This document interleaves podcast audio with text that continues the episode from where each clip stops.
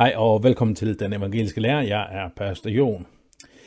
I dag skal vi se lidt på øhm, Kristi Kirke i verden. Hvordan ser vi Kristi Kirke? Hvor er Kristi Kirke til stede sådan rent synligt? Det er noget, det, vi skal se på. Der kunne ses rigtig mange ting om det.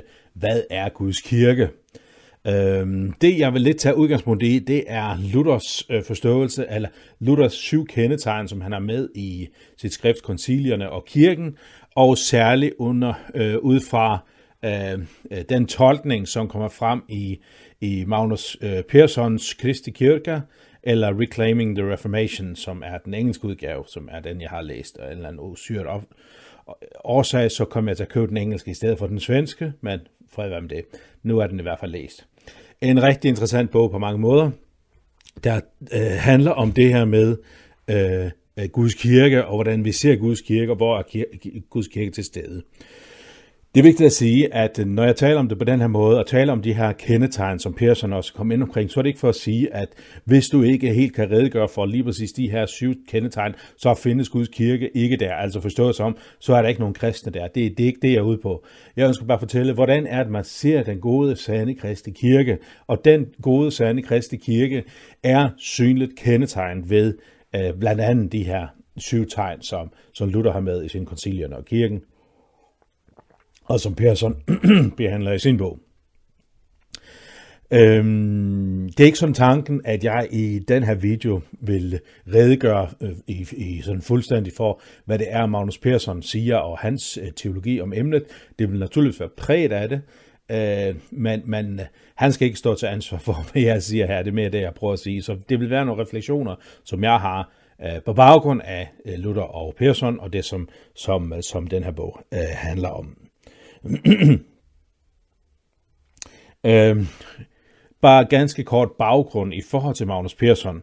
Øh, jeg kender ham ikke øh, andet end at have den her bog, og så læste en lille smule om ham. Øh, men det er ganske let. Men altså, han er er tidligere en øh, frikirkepræst i en øh, pinsekirke, øh, og nu er han så Luthers præst. Der har været, der, der har været en vandring, sådan en rent teologisk vandring, hvor han har gået fra det pentakostale over i det lutherske. Øh, han siger også i bogen, at han er taknemmelig for den, den baggrund, den historie, han har, også med det, det evangelikale og de karismatiske, og han sætter stor pris på de venskaber, han har der. Så det er ikke sådan på den måde et, et, et, et, et hets imod nogen som helst, han er ude på her. Det er mere for at øh, tale øh, øh, den lutherske teologis sag, øh, og også som en, øh, en forståelse af den lutherske teologi som den katolske liturgi, eller som en aftale af den historiske kirke, og øh, som en rigtig god sjælesøverisk teologi. Hans inspiration, nævner han selv, er øh, øh, selvfølgelig Luther, og, øh, og naturligvis øh, under det her gælder det, at Bibelen øh, er hans store øh, inspiration, ikke også? Det siger sig selv. Men derudover så nævner han Luther som en stor inspiration, og udover Luther nævner han to vigtige teologiske personligheder i svensk kirkehistorie, nemlig Karl Olof øh, Rosenius, som særligt har præget ham i forhold til det evangeliske budskab, lov og evangelium, og så Bo Hjerts, øh, en tidligere biskop, som har skrevet en del om øh, blandt andet, øh, hvordan kirken skal forstås. Øhm, noget af det, som, som, som, som han skriver, når han skal uddybe de her syv kendetegn, så gør han det øh, både i relation til den baggrund, han selv har, øh, som en vis form for kritik af noget af den her, han kommer fra, men lige så meget en kritik ind i øh, Øh, en gængs forståelse af kirkeligheden i det, vi kunne kalde for de bibeltro og vækkelseskreds, eller hvad vi skulle kalde det. Øh, og det er øh, en kritik, som retter sig imod, at vi har øh, at vi har en manglende substans i den nyere øh, kristendom. Vi har også en, en, et af til en manglende historisk fornemmelse. Vi har det med at sætte individet i centrum. Vi har det med at skulle forvente, at alt skal være underholdende. Øh, det skulle være rart at være der. Øh, det skal tale til følelserne. Man har en manglende sakramentalisme. Man har en manglende liturgisk fornemmelse, osv. Nu nævner jeg forskellige de her kritiske øh, ting op. Øh, det er vigtigt for mig at understrege, at Pearson, øh, kritikken følger ikke særlig meget.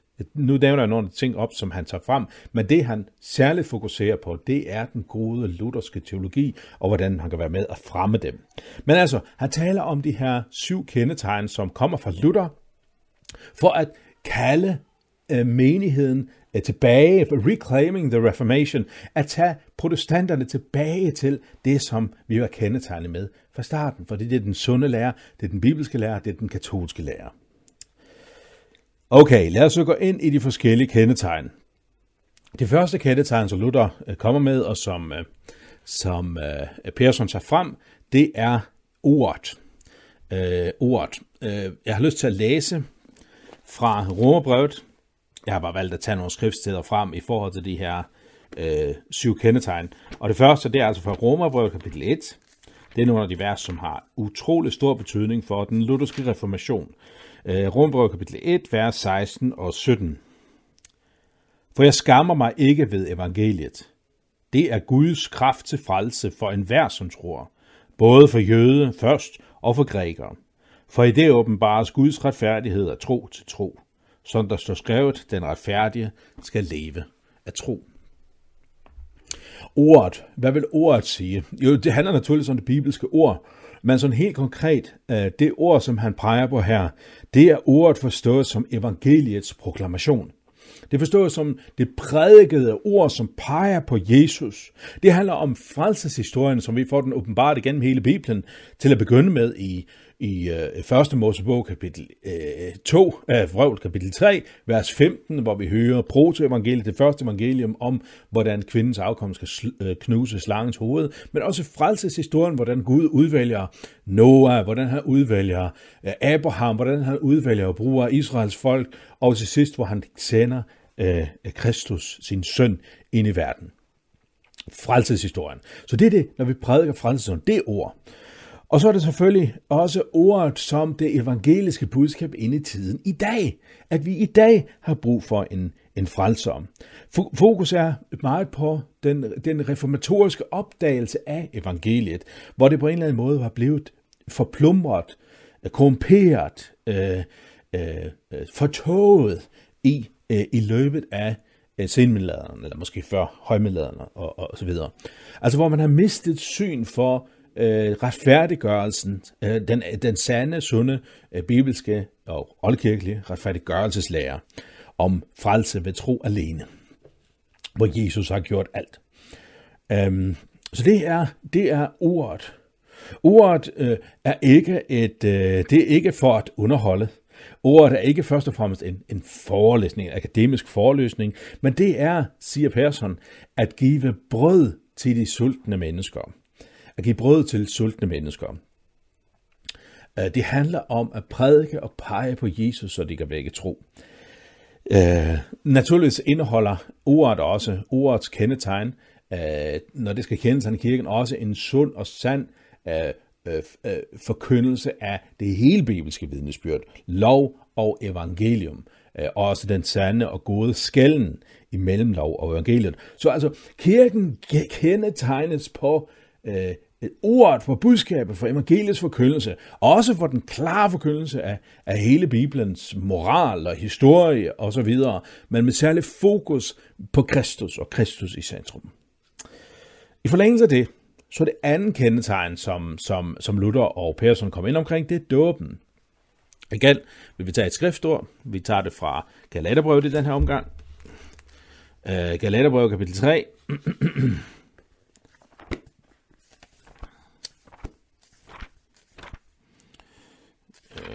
Galaterbrevet kapitel 3 og vers øh, 26 og 27. For I er alle Guds børn ved troen i Kristus Jesus. Alle I, der er døbt til Kristus, har jo iklædt jer Kristus.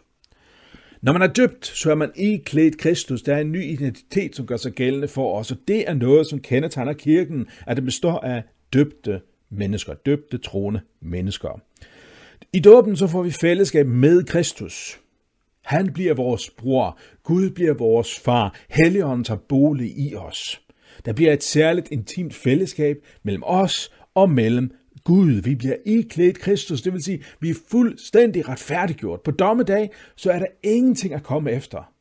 Man skulle tro, at vi blev dømt for alle de onde gerninger, vi har gjort, og så blev, op, blev det lidt ophævet af de gode gerninger, vi har gjort. Men det er løgn. Vi gør ikke nok gode kerninger for at fortjene os en plads i Guds rige. Vi gør ikke nok for at blive frelst. Men Jesus gør, og Jesus har gjort det. Han har båret vores synd, og han har levet fuldkommen perfekt i stedet for os på vores vegne. Og det er det, vi får givet i dåben. Vi, får, vi bliver iklædt Kristus. Øhm, derfor ønsker øh, Luther at, at føre menigheden tilbage til en bibelsk forståelse af dåben. Derfor kalder han ind i sin samtid folket tilbage til den bibelske forståelse af dåben. Og således ønsker Persson også, jeg ønsker også, vi ønsker også, at føre menigheden, nutidig menighed, tilbage til det sande evangelium, som vi får serveret i dåben. En dåbsforståelse, som handler om, at vi er iklædt Kristus. Han har gjort alt. Også en dåbsforståelse, som så får det til at fokusere på noget uden for mig. Det er ikke min indre beslutning. Det er ikke min særlige øh, nedkærhed, altså min særlige oplevelse, det handler om, hvad Gud har gjort mod mig. Han har grebet ind i mit liv. Han har genfødt mig ved vand og helligånden. Og i dåben, hvad sker der ellers? Jo, vi får fællesskab med hinanden. Vi bliver døbt ind i et fællesskab, ind i kirkens fællesskab. Hvordan kan vi se kirken? Jo, ved at ordet bliver prædiket, og ved at den består af døbte mennesker. Og naturligvis skal også døbte, vi skal leve dåben ud. Dåben er ikke bare en, en, en ting, der skete engang. Dåben er noget vedvarende. Dåben er noget med identitet at gøre. Dåben er noget med, at vi stadigvæk er iklædt Kristus. Derfor skal vi naturligvis søge at leve, sådan så Kristus ønsker, at vi skal leve. Tredje kendetegn, som meget naturligt kommer i forlængelse af det her, det er nadvåren. Dåben og nadvåren, det er de to store sakramenter, vi har i den lutherske kirke. Dåben og nadvåren. Vi skal igen læse øh, nogle, øh, nogle få ord fra øh, Bibelen. Denne gang er det igen Paulus, der får lov til at tage ordet, og det er fra 1. Korintherbrev. 1. Korintherbrev, kapitel 10. Ofte når man taler om nadvåren ud fra 1. Korintherbrev, så tager man kapitel 11, hvor vi også har indstiftelsesordene.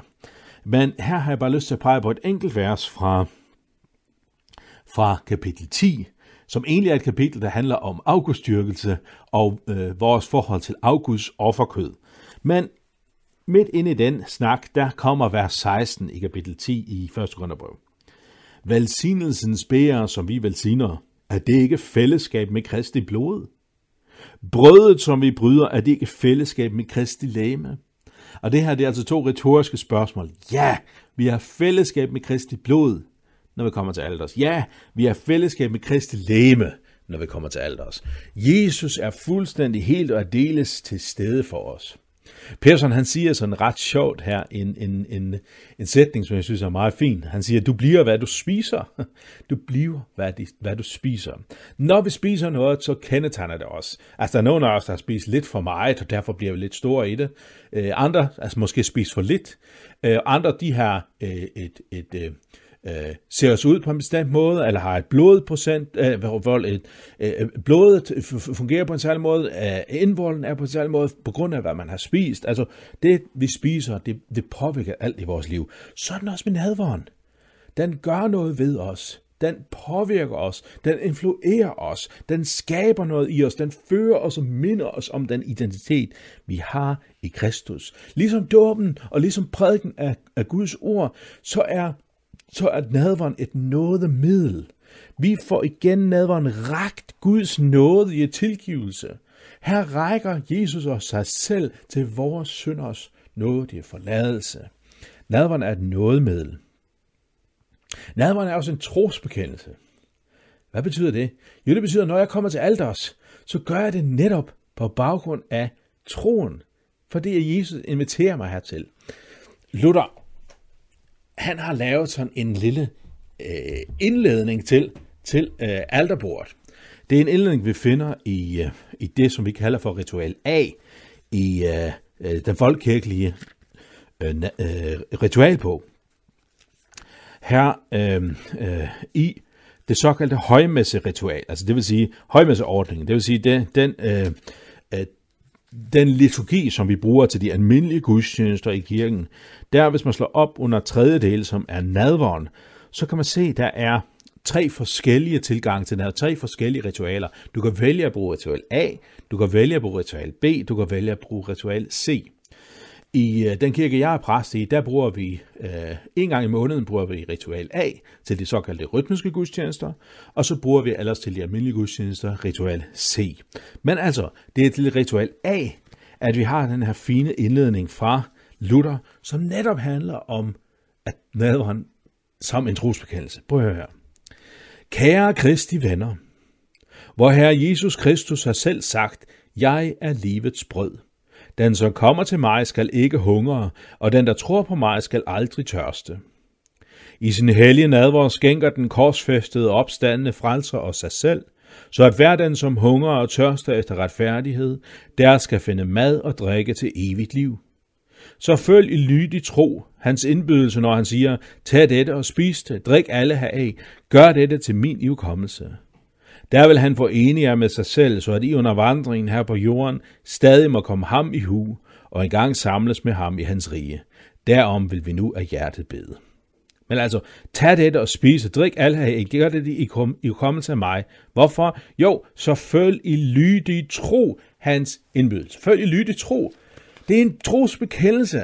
Ja, jeg tror på, hvad Bibelen siger om nadveren. Ja, jeg tror på, at det er Jesu Kristi blod og Jesu Kristi læme.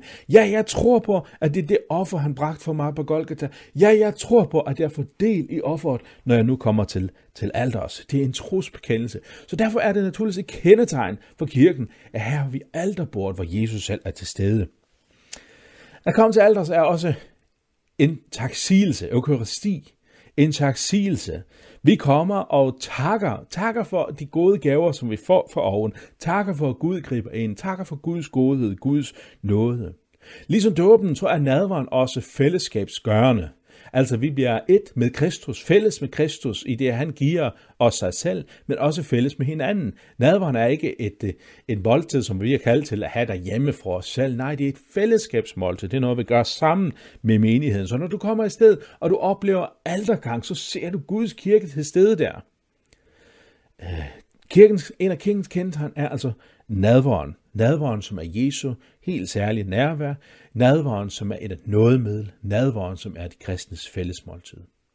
Så hvor kan jeg se Guds kirke? Der, hvor ordet bliver forkyndt klart og tydeligt, med Jesus i centrum. Der, hvor dåben bliver praktiseret, så vi har et fællesskab af døbte troende mennesker. Der, hvor vi oplever nadveren, nadveren, hvor folk kommer for at uh, deltage i et måltid, hvor vi får del i Kristi uh, tilgivelse. Fjerde kendetegn er nøglerne, eller nøglemagten. Vi læser igen et ord, og denne gang er det fra Johannes evangeliet. Johannes evangeliet kapitel 20, vers 23.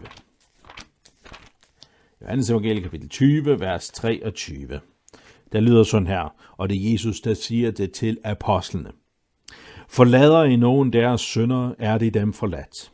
Nægter I at forlade nogen deres sønder, er de ikke forladt. Altså, forlader I nogen deres sønder, er de dem forladt. Nægter I at forlade nogen deres sønder, er de ikke forladt. Nøglemagten. Vi kan åbne for evangeliet, vi kan lukke for evangeliet. Vi kan åbne for tilgivelsen, vi kan lukke for tilgivelsen. Der, hvor vi åbner for tilgivelsen, det er der, hvor folk øh, bekender deres synd, erkender deres fejl og tror på Jesus. Der kan vi sige, så tilsiger det alle dine synders nåde forladelse i faderens og søndens og heligåndens navn. Og på samme måde, hvis nogen ikke vil omvende sig fra deres synd, så siger vi, Nej, du kan ikke få adgang til tilgivelse. Du får ikke tilgivelse, fordi du ikke vil omvende dig fra din søn. Du vil ikke erkende og bekende og omvende dig fra din søn. Derfor kan du naturligvis ikke få del i tilgivelsen. Der, hvor vi særligt øh, ser øh, nøglemagten komme til udtryk, det er i skriftemålet. Skriftemål, som er øh, det her øh, fantastiske gave, som, som Kristus har givet kirken, som vi hører her om i Johannes Evangeliet 2023, hvor vi kirken får mandat til at tilgive synder. Øhm, skriftemålet er nogle gange i den lutherske kirke, kirke bliver kaldt det tredje øh, sakramente, altså hvor vi har dåben, nadveren og så skriftemålet, fordi det påbudt af Kristus, og fordi det, det giver Guds tilgivende nåde. Øh, årsagen til, at man ikke kalder det sakramente, det er fordi, man siger, at vi har ikke et element på samme måde som i dåben og nadveren. Altså dåbens element er vandet, nadverens element er vin og brødet. På samme måde har vi ikke et element ved skriftemålet. Nogle siger, at det element er præsten selv, når han lægger hånden på. Sådan kan man argumentere for det. Men skidtpyt. Det vigtige for os her er, at det er et nådemiddel. Øh, et nådemiddel, som Kristus har givet os i kirken. Det blev givet til apostlene, og apostlene førte videre til de andre kirkelige ledere i menigheden. Derfor skriftemål, det er noget, som kirkens ledere og hyrder administrerer. Øhm, hvad handler skriftemål om? Skriftemål handler naturligvis om, at der er synd og erkendelse af synd. Bibelen taler om, at vi skal døde det gamle menneske. Lutherske teologi taler om en daglig omvendelse. Synden er der altid. Synden bliver ved med at plage. Synden bliver ved med at trække os ned. Synden bliver ved med at prøve at holde os væk fra Kristus. Men vi er døbt til ham. Altså kan synden ikke gøre os noget som helst. Men den bliver ved med at poppe op. Luther skal vist have sagt noget i retning af, at, øh, at øh, i dåben druknes Adam, men den skider kan stadig svømme. noget i den stil. Altså, at, at selvom synden er sonet. Selvom Satan er besejret, så er der lige indtil den dag, Jesus kommer igen, så er der noget, som ønsker at trække os i den retning. Synden er der stadigvæk, og derfor har vi brug for at vende os om fra synden igen og igen. Ikke for at blive frelst, men fordi vi er frelste. Og her har vi fået skriftemål, den her fantastiske gave givet, at ikke nok med, at vi kan bekende vores synder for Gud, som er helt i orden og fint og frelsende nok, men vi får også lov til at komme til en præst, og så vil han på Jesu vegne tale ind i vores liv og sige, så tilsiger der alle dine synders nåde forladelse i faderens, søndens og helligåndens navn. Det er noget, jeg gør på vegne af Jesus og hans befaling. Øhm, Persson nævner et, øh, et billede, som er blevet brugt før, som, øh, som siger noget om skriftemålet. Det er fordi skriftemålet i den lutherske kirke er to ting. Altså, sådan, jeg kan tale en masse andre ting om skriftemål, men altså, ritualet er to ting. Det ene det er det offentlige ritual, og det andet er det private øh, ritual. Det offentlige skriftemål, det er der, hvor vi i fællesskab i gudstjenesten har skriftemål. Det kan være for eksempel, at nogen har det inden gudstjenesten, hvor man bekender sine sønder, og så tilsiger præsten søndernes forladelse over menigheden, der kommer, eller man går op, og man får håndspålæggelse og lignende. Øh, der har nogen sagt, at den her form for skriftemål er ligesom, at, at præsten øh, deler ud af brødet til nogle sultne mennesker, og dem, som lige Øh, tager imod det, for det givet. Altså, det rammer nogen, og andre rammer det ved siden af, de tager ikke imod det. Men det private skriftemål er det anderledes. Der er det som om, at, at, øh, at præsten er en, som har brød til den sultne mand, og så lægger han det direkte i hånden og siger til ham, det her er din tilgivelse. Det er ikke bare en generel tilgivelse. Det er ikke bare noget, som, som gælder alle. Det er det også. Men her nu er det lige præcis dig, vi har i fokus. Du får tilgives for den her synd. Uh, Persson kalder den her, uh, den her uh, fokus, den her lutherske måde med skriftemålet, som en, uh, en, uh, en sjælesorgs vækkelse, eller noget i den stil, kan man sige. Altså, at, at det, som sker i, øh, øh, øh, i reformationen, det er, at man genopdager skriftemålet som et nådemiddel. Ikke som lov, men som evangelium. Altså ikke en lov, der siger, nu skal jeg, hver gang jeg lægger mærke til en synd, så bliver jeg nødt til at komme til præsten og bekende min synd, for det første er, at jeg får tilgivelse.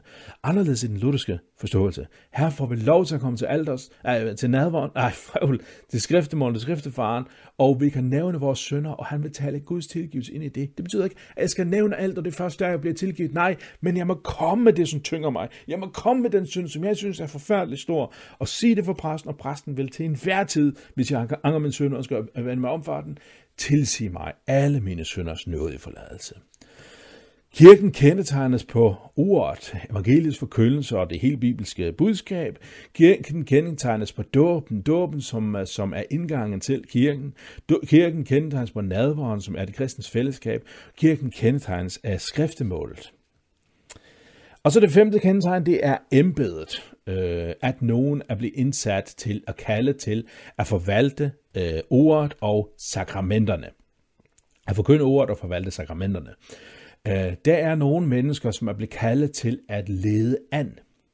Øh, kirken er ikke sådan et sted, hvor alle og enhver bare kan, kan sige det, som, som, som ligger dem på sønde. Selvfølgelig er der åbenhed, det er ikke det, jeg mener. Men der er nogen, der har fået betroet et særligt ansvar. Ikke fordi de er bedre mennesker. Ikke fordi de er mere fromme. Men fordi de er blevet kaldet til at stå i den her tjeneste. Og derfor bør de søge udrustning til det. Søge at dygtiggøre sig selv i det. De her personer er dem, som man i den lutherske kirke for det meste vil kalde for præsterne eller pastorerne. Dem, som er blevet kaldet ind i en hyrdelærer funktion i menigheden. De her personer er også noget, som er kendetegn på Kristi Kirke, at der er nogen, som er kaldet til at gå foran. Om vi kalder det øh, hyrder, eller ældste, eller tilsynsmand, eller, eller pastorer, eller hvad man finder på at kalde den, det er ikke det væsentlige. Det væsentlige er, at der er et embede. Der er nogen, der er kaldet ind i den her tjeneste. Sådan har Gud villet det. Sådan har Kristus udrustet med ved Helligånden. Se bare, hvad der står i i øh, for eksempel 1. Korintherbrev kapitel 12, hvor vi hører om de forskellige nådegaver. Øh, altså der er, vi har forskellige nådegaver, nogen er altså kaldet til at gå foran, nogen er kaldet til at være ledere, nogen er kaldet til at, øh, at være lærer, dem som går foran i menigheden med øh, teologiske øh, ansvar. Og, siger Luther, det er altså en kendetegn på, på, øh, på Kristi Kirke. Nu har jeg glemt at tage skrift, øh, skriftsteder frem, jeg bliver så øvrig. Så jeg tager lige skriftet, øh, øh, skrifter også omkring embedet ligesom vi har haft det ved de andre. Romerbrevet kapitel 10. Romerbrevet kapitel 10, og vi læser fra øh, vers 13. Nu skal jeg lige slå op på det først. Romerne 10, vers 13. Der står sådan her, og vi læser til vers 17. En vær, som påkalder Herrens navn, skal frelses. Her citerer Paulus fra Joels bog. En vær, som påkalder Herrens navn, skal frelses. Men hvordan skal de påkalde ham, som de ikke er kommet til tro på? Hvordan skal de tro på ham, som de ikke har hørt om? Hvordan skal de høre uden at nogen prædiker, og hvordan skal nogen prædike uden at være udsendt? Sådan der står skrevet, hvor herligt lyder fodtrinene af dem, der bringer et godt budskab. Dog var det ikke alle, der adlød budskabet, for Isaiah siger, herre, hvem troede på det, de hørte af os?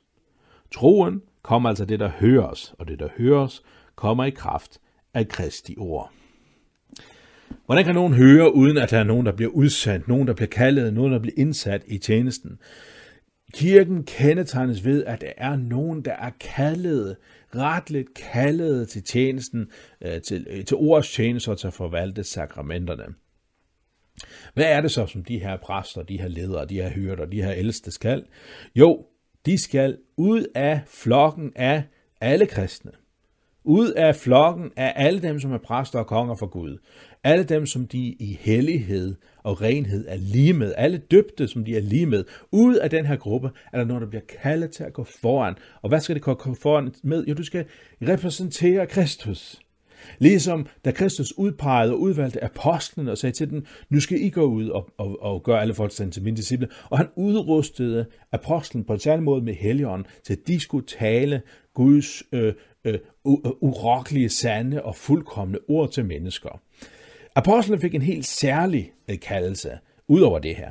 De fik øh, en noget og udrustning til, at alt det, de siger som apostle, er fuldstændig helt og absolut Jesu ord. Alt det, de siger, er fuldstændig sandt og kan ikke betvivles, fordi de har kaldt at være apostle. Anderledes er det med os præster. Vi har så at sige det samme kald, vi bygger videre på den apostolske lære, men vi har ikke samme autoritet, men vi taler deres autoritet. Vi taler skriftens autoritet. Vi prædiker Guds ord. Det vil sige, menigheden skal vurdere og bedømme det, som vi siger som forkyndere, som præster, som prædikanter. Kirken skal bedømme os og se, er det apostolisk, vi siger. Og hvis det er, så skal vi høre det som Kristi ord. Ikke også? Så altså, vi har til opgave at repræsentere Kristus, men vi har også til opgave at repræsentere menigheden over for Kristus. Du kan se det, hvis du kommer til en klassisk luthersk gudstjeneste. Der kan du se op foran ved alderet, at præsten vender sig i lidt forskellige retninger. Nogle gange vender han sig mod kirken, og der taler han på Guds vegne til kirken. Det kan være Guds ord, der bliver prædiket. Det kan være Guds ord, der bliver læst op. Det kan være Guds ord, som bliver, eller det kan være velsignelsen, så lyder over menigheden. Øh, så det er ofte, når præsten vender sig mod menigheden, så er det for at repræsentere Guds ord. Øh, og andre gange vender han sig mod alderet. Hvorfor? Jo, det gør han på menighedens vejen at vende sig mod Gud. Det er, når han beder til Gud. Det er øh, alle de her ting. Når han vender sig mod alderet, så er det henvendt mod Gud. Det er mere nuanceret end det, men det er sådan overordnet set er det det, som, som gør sig gældende. Så præsten er kaldet til at repræsentere Kristus for menigheden og repræsentere menigheden for Gud. Præsten, øh, når det er kirkens kendetegn, er ikke kendetegn ved at være særlig gejstlig, det vil sige særligt åndeligt, særligt from. Nej, han er kendetegn ved at være tjener. Tjen, Guds tjener og menighedens tjener. Han er sat til at tjene menigheden. Ikke undertrykke, ikke fortælle, at jeg er bedre end dig, men tjene menigheden. Øh, og så er han hyrde, en der går foran. Og så taler Persson også om noget omkring øh, Øh, ordination øh, som en, en, en, en noget, som handler, er, er sammen omkring det her, altså at man bliver indviet til præstetjenesten. Han taler noget om liturgiske klæder, ikke noget som en must, men som et kendetegn på, at vi har et, et præstligt embede, liturgi osv. Men altså pointen er, at embedet, det her med, at man har øh, øh, nogle ledere, som er retligt kaldet til tjenesten ind i kirken, øh, det er et kendetegn på Kristi kirke. Så vi har altså ordet, vi har dåben, nadvåren, skriftemålet og embedet, præstembedet. Sjette kendetegn, det er øh, gudstjenesten. Jeg tror, hvis jeg husker rigtigt, så det, som Luther kalder det kendetegn, det er det bønnen, hvis jeg husker rigtigt. Altså, man, altså det handler om, øh, hvordan lever vi øh, som kristne i verden. Øh, her er gudstjenesten øh, vores omdrejningspunkt læser igen nogle vers, og vi læser fra Apostlenes Gerninger den her gang. Apostlenes Gerninger kapitel 2, vers 42. Det, som går forud for det her, det er, at der er nogle mennesker, der kommer til tro på Jesus, de er blevet døbt til at tilhøre ham, og så kommer forklaring på, hvordan lever de så. Apostlenes Gerninger kapitel 2, vers 42. De holdt fast ved apostlenes lære, fællesskabet ved brødets brydelse og bønderne. Øh, det er noget, der kendetegner Guds kirke, og det er de her ting, blandt andet også bønderne. Det her med, at man lovpriser Gud, man vender sig med Gud, man takker, takker ham for, hvad man har givet. Øhm, gudstjenesten. Gudstjenesten er, at vi får lov til at samles og prise Gud, lovprise Gud og lytte til hans ord til os. Lidt ligesom han sagde før, at vi bliver, hvad vi spiser, og så siger han også, at vi bliver, hvad vi lovpriser. Og det er baseret på for eksempel øh, Luthers udlægning af det første bud i sin store katekisme, altså lille katekisme også, med at hvad er vores Gud, det er det, som vi venter os alt godt for. Det er den, vi lovpriser, det er vores Gud. Ikke også? Derfor, det vi lovpriser, det præger os, det, er dem, det, det forvandler os, det gør os til dem, vi er. Derfor skal vi naturligvis lovprise Gud af ham, løfte hans navn højt, takke ham. Derfor er gudstjenesten også centrum i den kristnes liv. Alt centrerer sig om gudstjenesten, at vi kommer til ham prise ham og modtage fra ham. Øhm. Pearson siger også i den her sammenhæng, i, i, i forklaringen til gudstjenesten som kirkens kendetegn, at det er, øh, at ord som scene, optræden, produktion og publikum ikke hører hjemme i gudstjenesten. Jeg hører ikke det, som han siger her, at hvis man nævner de her ord, så har vi ikke længere en gudstjeneste. Altså det, det er simpelthen ikke det, det handler om. Men altså, det er ikke det her, der skal være fokus. Det er ikke fordi, vi har en scene, ligesom han har til rockkoncert. Det er ikke fordi, at, at der er nogen, der skal optræde for ligesom at, at få noget frem. Det er ikke fordi, vi skal have en høj produktion, og menigheden er absolut ikke et publikum.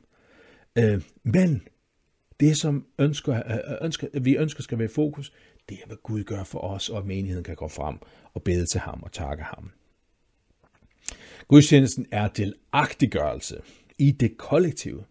Delagtiggørelse i hvad? Det vil sige, at vi er vi træder ind i kirkens historie. Når vi går til gudstjeneste, så er det ikke noget, vi leger eller noget, vi finder på. Det er en gammel skik, vi træder ind i. Øh, gudstjenesterummet er et tidsløst rum. Et rum, som, som, som øh, fagner over tid og sted. Det er et egentlig katolsk rum, altså katolsk forstået som alle sted, eller universelt. Det er, det er noget, som dækker alt, og den her, den her gudstjeneste får vi lov til at tage del i som hans, som hans børn. Gudstjenesten er delagtiggørelse i de hellige ting. Derfor er gudstjenesten primære mål ikke at være søgervenlig.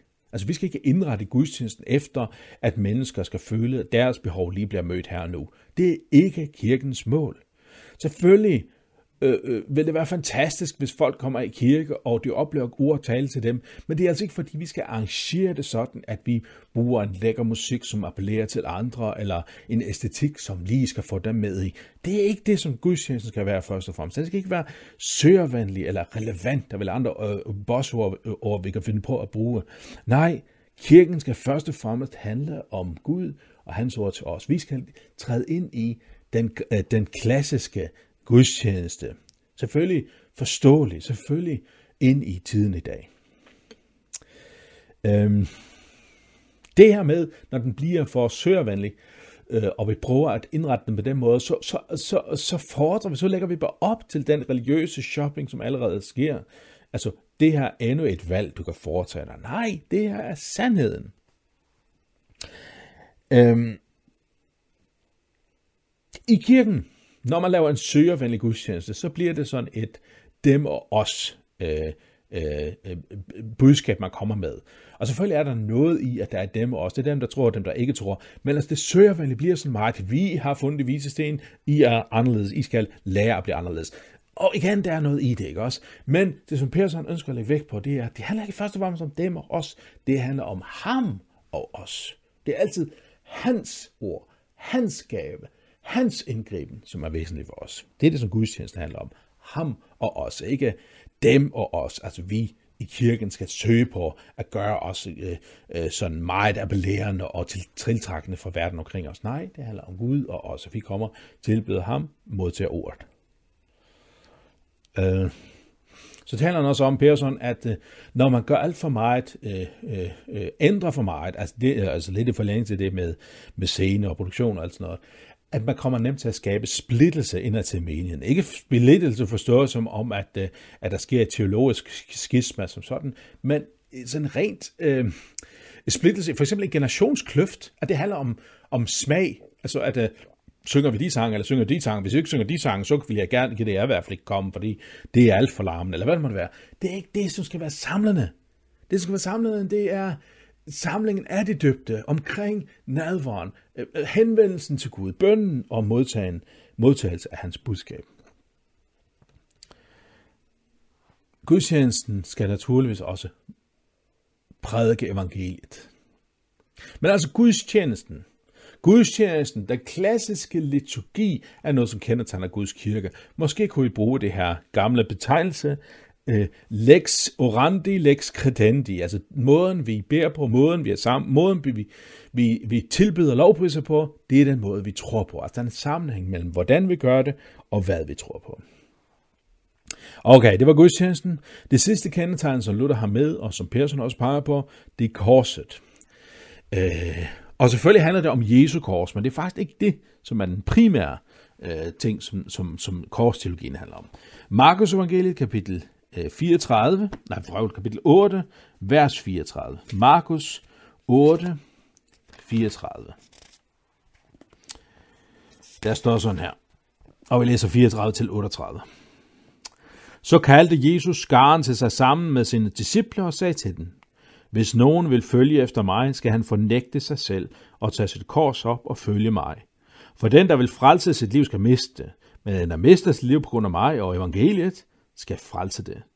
For hvad hjælper det et menneske at vinde hele verden og bøde med sit liv? For hvad er et menneske, som give, hvad kan et menneske give som vederlag for sit liv? For den, der skammer sig ved mig og mine ord i denne utro og syndige slægt, skal menneskesønnen skamme sig ved, når han kommer i sin faders herlighed, sammen med de hellige engle. Korsteologien. Korsteologien handler altså om, at, øh, at vi skal tage vores kors op og følge Jesus. Vi skal afstå fra, at det skal handle om os selv, og så skal vi eh, bøje os for Jesus og hans evangelium. Det, som Persson her peger på, det er, han siger, det her det handler om kaldelsen, det handler om udsendelsen, det handler om, hvad er vores mission som kristne. Øh, Luthers fokus er meget på, øh, øh, øh, også meget på, at, at, at, at, at den kristnes liv den kristnes liv er ikke først og fremmest et liv, hvor vi ser herligheder, hvor vi ser Guds særlige mirakuløse indgreb. Nej, den kristnes liv er ofte et liv, liv under korsets skygge, altså hvor, hvor, hvor vi oplever modgang, hvor vi oplever øh, forfølgelser, hvor vi oplever fristelser, alle de her ting, som, som umiddelbart virker negative og kunne tyde på, at Gud ikke er nær. Nej, sådan er den kristens vilkår. Og sådan er det, når vi tager vores kors op og følger Kristus. Det koster følge Jesus. Det koster at gå evangelisk tjeneste. Men lige præcis det er vi kaldet til. Vi er kaldet til at tage vores kors op og følge Jesus. Lige midt ind i vores hverdag. Vi er kaldet til at leve et korsliv. Det er noget af det, som Paulus også ind omkring i 2. Korintherbrev, når han taler om, at vi har skatten i lærkar. Vi er lærkar, som er skrøbelige, men inden i os, inde i kirken, der har vi den her fantastiske skat, som er Guds rige, som er Guds tilgivelse. Vi skal gå korsets vej, ligesom vores mester gik korsets vej. Ikke for at frelse verden, ikke sådan, jeg skal høre det, men ligesom vores frelser kom ind i vores verden, øh, tog en tjeners skikkelse på, blev mennesker lige, så han bøjer sig ned. Så er vi kaldet til at bøje os ned. Som Paulus siger, for jøde bliver han så jøde, for græker som græker. Vi er kaldet til at afstå for vores eget, og så tage vores kors op. Bøje os, følge Guds ord, og prædike ordet for hele skabningen. Når vi gør det, så åbner vi muligheden op for, at flere mennesker kan lære Jesus at kende. Så altså kirkens syv kendetegn. Ordet, hvor evangeliet bliver prædiket. Dåben, øh, indgangsriten ind i Guds kirke. Nadvåren, som er de kristne særlige fællesmåltid. Skriftemålet, hvor vi får lov til at bekende vores sønder for en præst og modtage hans fulde tilgivelse. Også tugten, som følger deraf.